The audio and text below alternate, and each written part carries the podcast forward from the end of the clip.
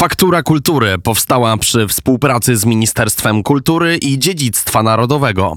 Gościem Radia Wnet jest e, pan profesor Piotr Gliński, minister kultury, przez wiele lat wicepremier rządu w, w, w, rządzie premiera Mateusza Morawieckiego. Panie premierze, czas na e, takie podsumowanie. Jest 8 lat, pan jest tutaj w Pałacu Potockim ministrem kultury, zarządza pan polską kulturą, z czego pan jest najbardziej zadowolony? Co jest takim powodem dumy Piotra Glińskiego? Y, tak, że byłem w rządzie y, pani premier Beaty Szydło. Y, dla porządku zawsze trzeba to wspomnieć, bo to były rządy prowadzone przez dwóch dwoje premierów. Y, pytanie dotyczyło, y, co tutaj najważniejszego zrobiliśmy? Czy... No to jest nie. Z czego pan jest y, najbardziej dumny? Czy są takie trzy sprawy, trzy rzeczy, z których by pan powiedział, to zrobiłem, to zrobiłem, to zrobiłem, beze mnie tego by nie było? Panie redaktorze, ja Przede wszystkim nie lubię takich określeń dotyczących dumy czy dotyczących jakichś stanów emocjonalnych, y, bo minister jest powołany do pracy, do, do wykonywania e, zadań zgodnie z programem, który został przyjęty, który zresztą rzeczywistość modyfikuje często. Ja bym powiedział, że w naszym przypadku to modyfikuje na plus, bo po prostu my bardzo wiele e, wyzwań poznaliśmy w trakcie pracy. No, mieliśmy też e, no, zupełnie nieoczekiwane olbrzymie problemy obiektywne, czyli mówię o pandemii, mówię o wojnie, mówię o inflacji, która spowodowana została tą wojną, agresją Putina. Y, to są rzeczy niebywałe. Myśmy przetrwali y, i absolutnie obronną ręką Polska z tego wyszła. No niestety y, to tak jest, że bardzo często takie sytuacje, kiedy udaje się rozwiązywać kryzysy, nie są później doceniane w odbiorze społecznym, bo ludzie żyją innym trochę życiem, nie żyją polityką na co dzień, y, przyjmują y, pewnie wewnętrznie bardzo y, pozytywnie to, że nie ma problemów, prawda, że takie czy inne tarcze są uruchomione, że polska gospodarka została obroniona, że w związku z tym także i budżet na kulturę został obroniony, że myśmy zastosowali nawet nie 14, tylko znacznie więcej najróżniejszych narzędzi wsparcia dla polskiej kultury i polska kultura w przeciwieństwie do y, kultury w innych krajach przeszła przez pandemię. Y, no, powiedziałbym, bez większych strat, y, bo mogę chyba tak powiedzieć, no, y, kilkadziesiąt tysięcy wsparcia socjalnego to jest tylko to, co było y, no, taką podstawą dla tych, który, którym najgorzej było, prawda? No, tracili pracę, tracili kontrakty i mogli uzyskać od nas to wsparcie, często wielokrotnie, ale myśmy także kulturze pomogli w bardzo wielu innych wymiarach. Ponad 6 miliardów mniej więcej szacujemy środków zostało przeznaczone na pomoc. Przenieśliśmy kulturę w świat wirtualny, cyfryzację, co zresztą przyniosło nam nowych y, użytkowników kultury, nowych, y, nową publiczność, y, bo okazało się, że te osoby, które poznały na przykład jakieś zakamarki naszych muzeów poprzez to, że scyfryzowaliśmy no, znacznie bardziej intensywnie ofertę kulturalną w internecie, to chciały później zobaczyć to na własne oczy, a w ogóle poznały pewne tematy, tak? Pewne tematy dotarły do publiczności yy, w czasie pandemii. Ale wracając do Pana pytania, no, żeby być yy, szczery, to pewnie by mi było trudno wybrać trzy rzeczy, bo wtedy bym umniejszył znaczenie innych spraw. Mnie się wydaje, że yy, myśmy zrobili dość sporo. Ja mam spokojne sumienie i mogę w spokojnych dyskusjach y, odpierać wszelkie zarzuty, bo bardzo często te zarzuty polegają na inwektywach, na epitetach nawet, y, natomiast nie wchodzą zupełnie w meritum spraw. No ale dobrze, postaram się powiedzieć o tych najważniejszych. Myślę, że najważniejszą sprawą było to, że podnieśliśmy rangę kultury, kultury w polityce także jeżeli chodzi o wsparcie finansowe. Bo w 2015 roku, kiedy pan przyszedł do Ministerstwa Kultury, jaki był budżet, a jaki jest w 2023 i jaki jest planowany na 2024? W 2015 roku, gdy przyszedłem na 2016 rok, to był budżet 3 miliardy, y, o ile pamiętam, y, poniżej 3,5 miliarda na pewno. 3 miliardy 200 chyba kilkadziesiąt milionów. W tym roku to jest w 23 prawie 7 miliardów, niecałe 7 miliardów budżet, a w przyszłym roku to jest 8,5 miliarda zaplanowany już budżet. Mam nadzieję, że zostanie e, utrzymany. To są pieniądze, ale za tymi pieniędzmi także no, stoją możliwości y, budowania potencjału kultury. Przecież te pieniądze poszły do ludzi, poszły do instytucji to jest o ponad 100% zwiększenie liczby instytucji współprowadzonych, teatrów, filharmonii, muzeów. O ponad 100%. Gdy przyszliśmy tutaj do ministerstwa, y, było tych y, instytucji y, ponad 60, teraz jest ponad 130, o ile pamiętam. Mówię o artystycznych i muzealnych instytucjach. To jest olbrzymia zmiana. To takiej zmiany instytucjonalnej wydaje mi się, że nie było. No, można porównywać do tej zmiany odwrotnej, która nastąpiła nastąpiła po 1989 roku, kiedy państwo pozbyło się odpowiedzialności za instytucje kultury powiedziało, y, i powiedziało bawcie się sami i oddała to, oddało to samorządom, y, co oczywiście y, ma swój dobry wymiar, no bo mądre samorządy dbają o kulturę, no ale nie wszystkich na to stać, już nie wchodźmy w szczegóły, natomiast jest tezą zupełnie oczywistą, że kultura była absolutnie niedoinwestowana, niedoceniana, i wiele instytucji kultury było likwidowanych, no, czy sprzedawanych, tak jak polskie nagrania. Których nie udało się odkupić. Których się nie udało odkupić ze względów, zostały, myślę, że, myślę, że ze względów to ciekawe. Za 8 milionów, za 8 milionów złotych oni to sprzedali yy, i myśmy to chcieli odkupić.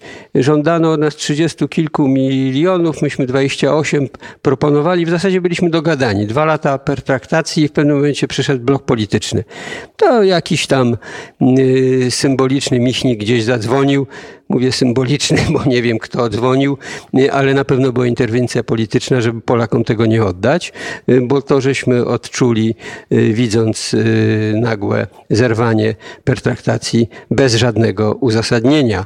Y, w sytuacji, kiedy byśmy byli gotowi już zapłacić to, czego od nas żądano, ponieważ to jest, przypominam, dorobek polskiej kultury, polskiej muzyki popularnej, największe polskie nazwiska, ale także jazz ale także jazz i także nagrania konkursu Chopinowskiego na przykład, już nie mówiąc o innych nagraniach, na przykład bajek dziecięcych przez wybitnych polskich aktorów i tak dalej. To wszystko zostało sprzedane za y, czapkę śliwek czy gruszek y, firmie zagranicznej, która sobie y, no to, co chce, to używa, w większości po prostu blokuje do tego y, otwarty, y, wolny dostęp. Y, czyli tak się sprzedaje polską tożsamość, polską tradycję. Mówię to przede wszystkim chyba w tej chwili, po tych ostatnich wyborach do polskich młodych pokoleń, że Mamy do czynienia e, w Polsce z ludźmi, którzy są politykami sprzedającymi Polskę za drobne. E, sprzedającymi tym, którzy się nie interesują polską tożsamością, polską kulturą, nie mają żadnego interesu w tym, żeby promować nasze wartości.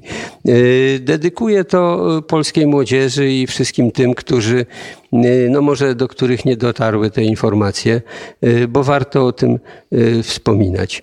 Myśmy tak, to jest pierwsza rzecz. Na pewno żeśmy docenili polską kulturę, obroniliśmy też wiele instytucji takich jak Polski Instytut Wydawniczy, przepraszam, Państwowy Instytut Wydawniczy, czy Polską, Polskie Wydawnictwo Muzyczne, czy Studio Filmowe w Bielsku Białej, które wszystkie te instytucje no, były w zasadzie skazane na wymarcie.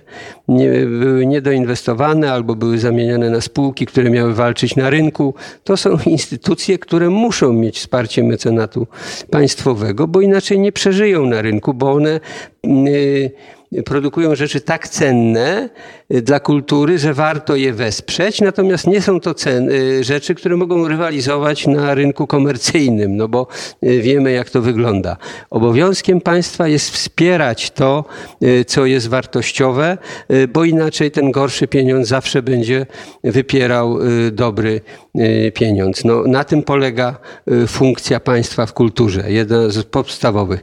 Niestety nasi poprzednicy tej funkcji nie wypełnili wypełniali. Symbolicznie, nawet takie zespoły pieśni i tańca jak Mazowsze czy Śląsk y, nie były wspierane przez polski budżet i oni przestali jeździć za granicę, przestali promować Polskę, no bo po prostu na budżecie y, samorządowym y, nie dawały rady, ale jak mówię, takich instytucji na współprowadzenie wzięliśmy ponad 60. Y, w ciągu tych ośmiu lat. To jest olbrzymi wysiłek polskiego państwa, y, ale wysiłek chyba no, przez wszystkich popierany, tylko szaleniec może powiedzieć, że to niedobrze, że rząd y, Prawa i Sprawiedliwości, Zjednoczonej Prawicy docenił kulturę i wzmocnił funkcjonowanie naszych instytucji. Jest. To jest na pewno pierwsza rzecz, która nam się udała.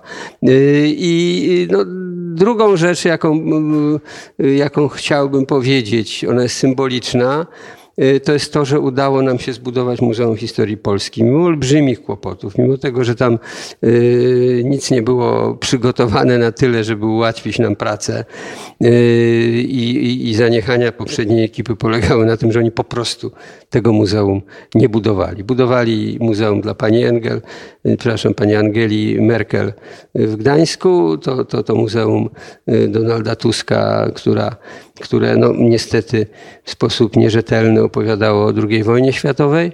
Natomiast zgodnie z oczekiwaniami tej polityki historycznej europejskiej, czy krótko mówiąc niemieckiej, no, takie były priorytety poprzedniego rządu. Prawda? Oni odpowiadali, że budowa Muzeum Żołnierzy Wyklętych to jest zero przydatności społecznej czy potrzeby społecznej yy, i tego nie budowali. Myśmy to zbudowali.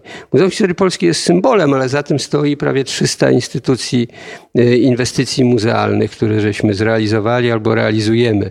Nie tylko dotyczących tej historii. Ale inwestycji muzealnych, czyli eksponatów, które kupiliśmy? Nie, nie, nie, mówię o inwestycjach, y, czyli budowa nowych muzeów, współprowadzenia muzeów, które istniały, czy też podejmowanie nowych inicjatyw z samorządami w sprawach y, inwestycji muzealnych, czy remonty generalne, inwestycje, inwestycje. Zakupy muzealne to jest jeszcze coś innego. Też nigdy nie było takiej fali zakupów, także jeżeli chodzi o wzbogacanie kolekcji nowych. 115 milionów wydaliśmy tylko na zakupy wzmacniające polskie kolekcje muzealne.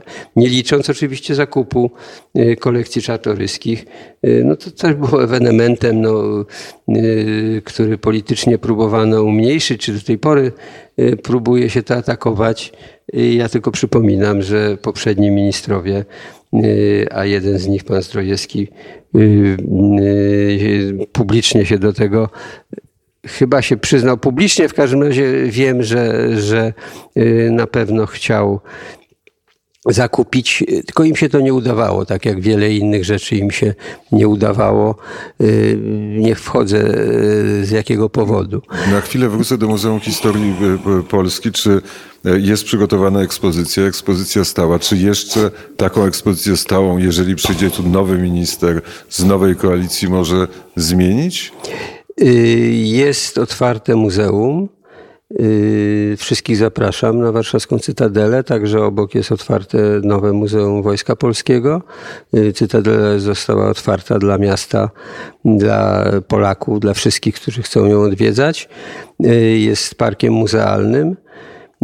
Jest wystawa tymczasowa, otwarta, bardzo ciekawa uważam. I jest podpisana umowa już we, w, chyba w końcu września, we wrześniu była podpisana ta umowa, że w ciągu dwóch i pół roku zostanie wybudowana wystawa stała.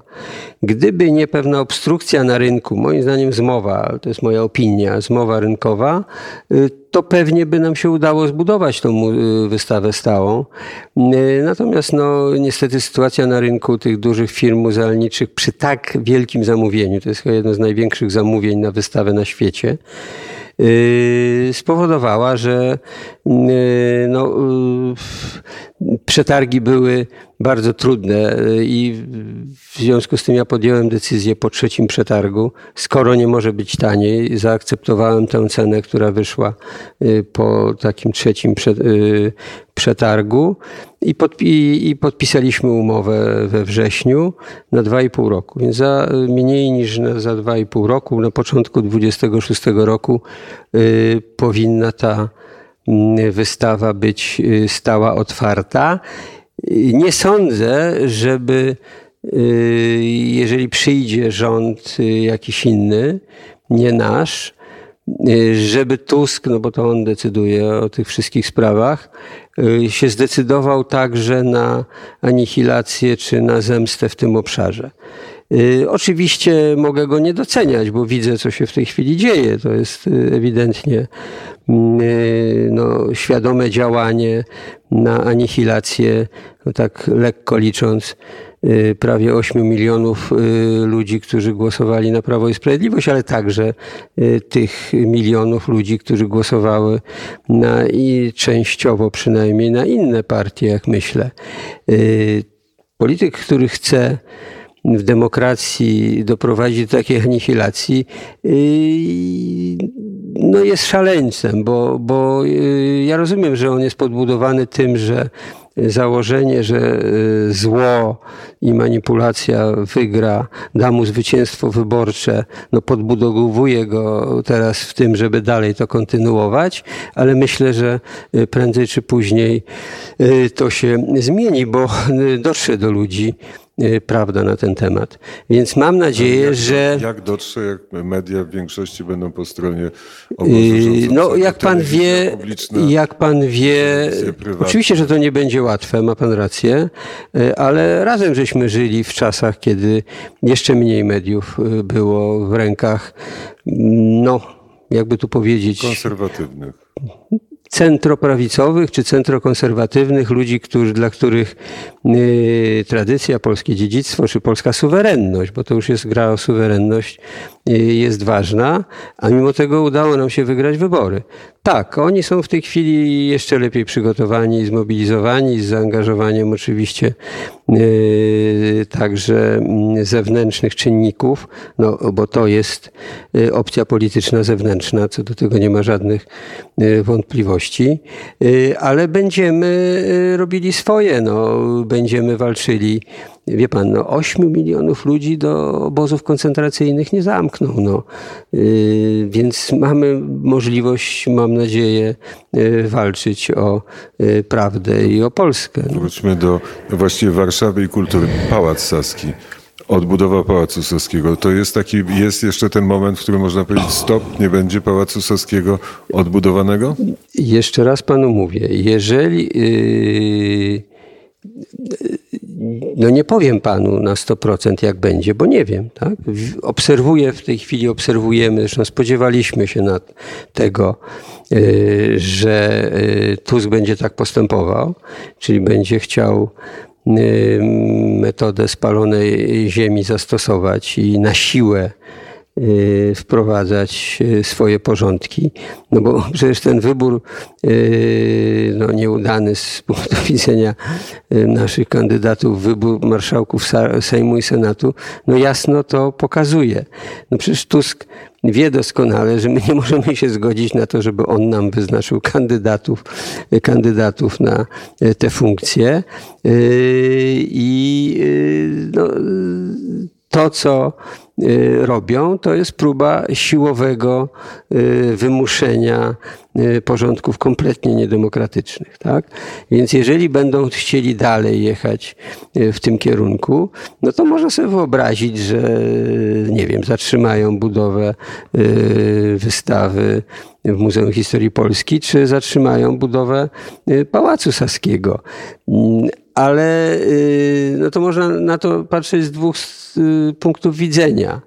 Y, jeden punkt widzenia jest taki, że będą chcieli to przejąć i pokazać, że to oni, prawda, są autorami tych dwóch, tych dwóch Y, projektów, no bo zawsze ich będzie mierzyć to, że to myśmy zbudowali Muzeum Historii Polski i myśmy po raz drugi zresztą rozpoczęli i to w bardzo profesjonalny sposób i szybki, bo te procesy przebiegały bardzo sprawnie, y, odbudowę Pałacu Saskiego, Pałacu Brille i Kamienic. No, przypominam, jesteśmy już po konkursie architektonicznym y, i wszystko się toczy do przodu.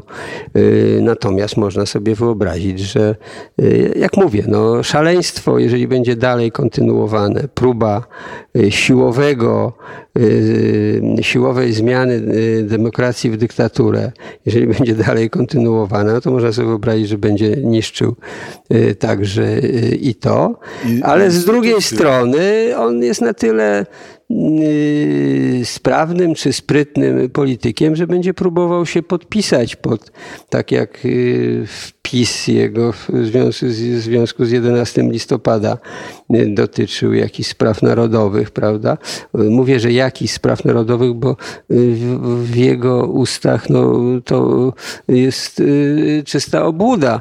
Przypominam, że marsze narodowe za czasów pana Tuska były pacyfikowane, były prowokowane były rozbijane. Jakoś się tak okazało, że zmiana władzy nastąpiła i nagle te marsze spokojnie mogą y, co roku być organizowane i setki tysięcy ludzi, bo w tym roku były setki tysięcy ludzi, ja dojść nie mogłem do marszu, bo takie tłumy były, y, idą spokojnie i pokojowo.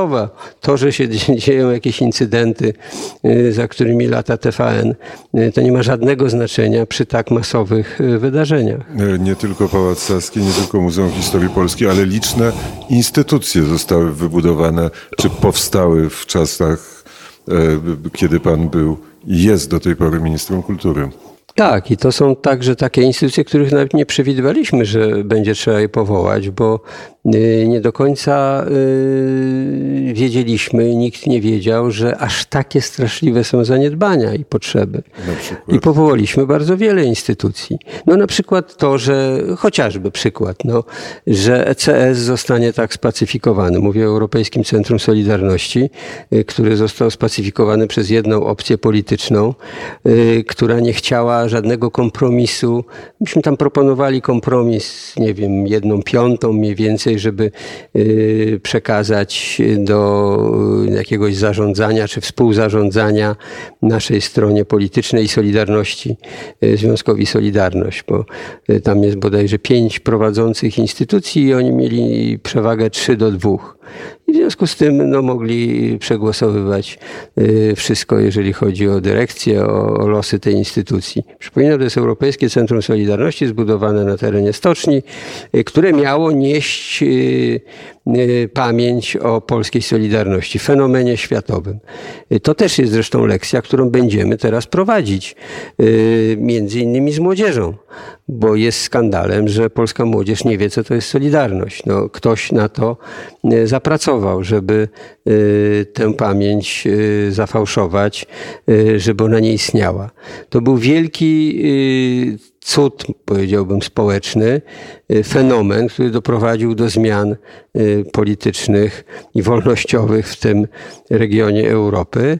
I myśmy przegrali rywalizację międzynarodową y, dotyczącą scenariusza historycznego, który docenia Solidarność. Solidarność jest coraz mniej znana na świecie.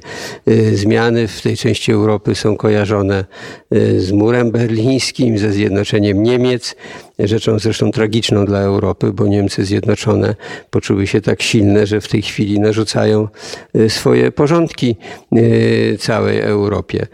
Y, a polska Solidarność jest niewygodna. Polska Solidarność została zredukowana do lokalnego wydarzenia. Nawet myśmy próbowali wpisać Stocznię Gdańską do pamięci świata w UNESCO jako miejsce dziedzictwa światowego.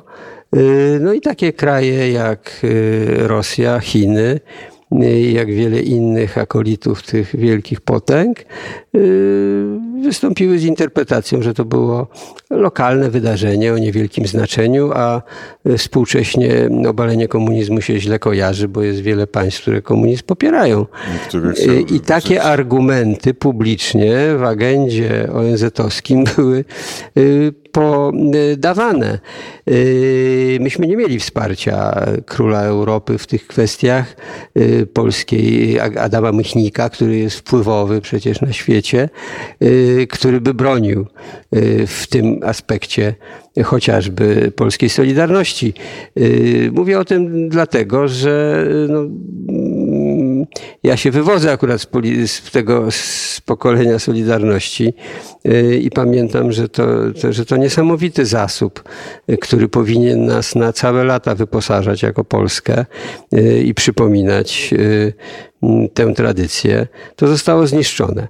Y, I niestety Europejskie Centrum Solidarności nie niesie m, tego obowiązku czy tego zadania promowania polskiej Solidarności na świecie. W związku z tym myśmy powołali dwie instytucje y, związane zresztą ze Związkiem Solidarność, y, Związkiem Zawodowym y, w Gdańsku i w Szczecinie ostatnio, które mają takie zadanie nieść. Ale tych instytucji było znacznie więcej, bo Instytut one Myśli Narodowej na przykład. No myśl Polska tak, Fundacja chociażby, Narodowa. chociażby To są te instytucje, które nowa koalicja... Polska Fundacja Narodowa to nie w, nie w resorcie, bo to w innym trochę wymiarze, ale tak, tam w statucie są pewne obowiązki ministra kultury wpisane, więc ja się nie odżegnuję, y, ale to jest także Instytut Literatury. Y, Nawet Centrum Archiwi Archiwistyki Społecznej, bo takie zjawisko jak archiwistyka społeczna y, w ostatnich latach się rozwijało i razem z ośrodkiem Karta powołaliśmy taką instytucję. Powołaliśmy wiele innych instytucji, które podjęły no, zadania, których dotychczas y, nikt nie wykonywał, albo w niewielkim czy w ograniczonym stopniu. Chociażby Instytut Polonika, który się zajmuje polskim dziedzictwem za granicą. Przedtem y, departament się tym zajmował i departament dalej funkcjonuje, ale departament w ministerstwie to jest co innego niż Instytut Operacyjny, który działa w terenie, który może y, prowadzić wa- własne y, projekty. Takich instytucji powołaliśmy wiele. W kulturze artystycznej y, powołaliśmy Polską Operę Królewską. Wielkie sukcesy, wydaje mi się, w ciągu ponad już 6 lat chyba działa. Y, I ostatnio Teatr Klasyki Polskiej. y, Też w momencie, kiedy środowisko, które się tym zajmowało, dojrzało, przekształciliśmy to w instytucję państwową. No i co, i to wszystko teraz, te wszystkie owoce spadną i zgniją? Zobaczymy, co będzie. No, demokracja ma to do siebie, że y, oczywiście, jeżeli przychodzi nowa władza, to ona ma pewne y, przecież prawo do y, działań. Ja też przeprowadziłem korektę działań instytucjonalnych. Y, W korektę jeszcze raz, nie żadną rewolucję, nie żadną wielką zmianę, tylko korektę y, zgodnie z mandatem demokratycznym. Ja nie rozwiązałem żadnej instytucji kultury. Przekształciłem kilka, ale nigdy nie zniszczyłem czy nie rozwiązałem czegoś, co było wartościowe. Y, Jedyna likwidacja dotyczyła, mimo że walczyliśmy o to y, kilka lat, żeby utrzymać y, y, pracowni konserwacji zabytków ponieważ one kiedyś zostały przekształcone w spółkę, to były te państwowe takie pracownie, PKZ-y słynne, które y, no, ten, tą polską szkołę konserwacji zabytków y, także na całym świecie y, rozpowszechniały, realizowały tyle tylko, że już lata temu y, te pracownie zostały przekształcone w spółkę, a wszyscy fachowcy i know-how y, powołały swoje własne, powołali swoje własne prywatne instytucje zajmujące się konserwacją zabytków i tu konkurencja już nie miała sensu. Pompowanie państwowych pieniędzy w PKZ-y, które były no, zbyt słabe i nie dawały rady na rynku, nie miało sensu i nie udało się tego uratować. Ale to jak mówię, ze względów rynkowych tutaj w ogóle polityka nic do tego nie miała. Panie ministrze, wchodząc na rozmowę, wziąłem trzy broszury, które są przed gabinetem pana ministra. E, Polska historia na ekranach e, szkolnictwo artystyczne na miarę XXI wieku i broszura na temat poszukiwanych i odzyskanych obrazów. To też było coś bardzo istotnego. Mamy jeszcze kilka innych dotyczących y, chociażby naszych muzeów. Y, ale nie tylko. Mamy także y, raport, który przygotowujemy. Y, W zasadzie on już jest gotowy z ośmiu lat naszej pracy, więc niedługo także media i wszyscy będą mogli y, ten raport y, otrzymać. On jest bardzo szeroki, a jednocześnie i tak jest niepełny.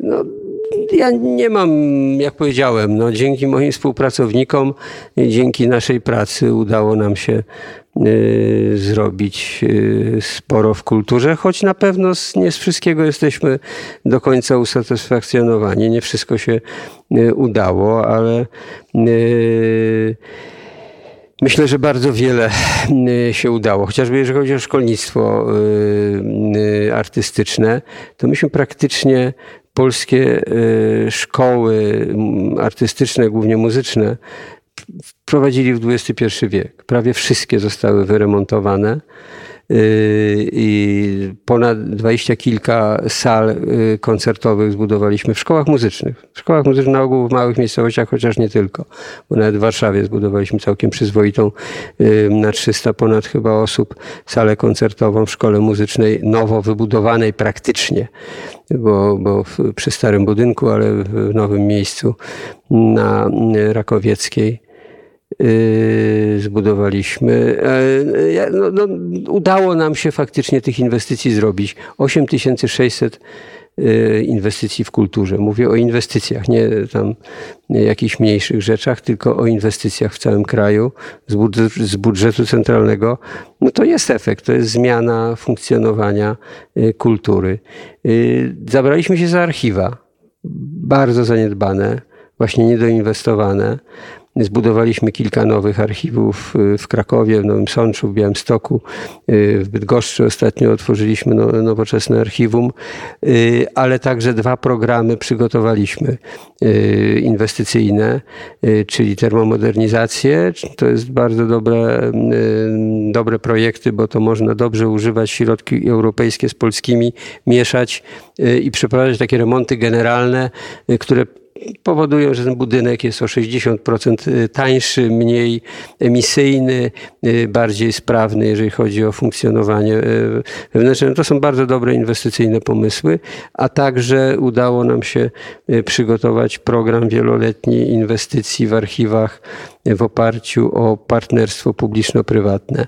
To też jest wszystko przygotowane i zrobione. Pan minister wymienił, pan profesor wymienił ten niepełny katalog, bo tu widzę piękno, pamięć i wspólnota, e, to podsumowanie tych ośmiu. No bo to są takie wymiary, które wydają nam się ważne. No, wspólnota się opiera na pamięci, ale także y, na takim, takiej spe, spe, specjalnej relacji do piękna właśnie, rozumianego bardzo różnie, bo i estetycznie, i powiedziałbym moralnie, czy etycznie. Faktura Kultury powstała przy współpracy z Ministerstwem Kultury i Dziedzictwa Narodowego.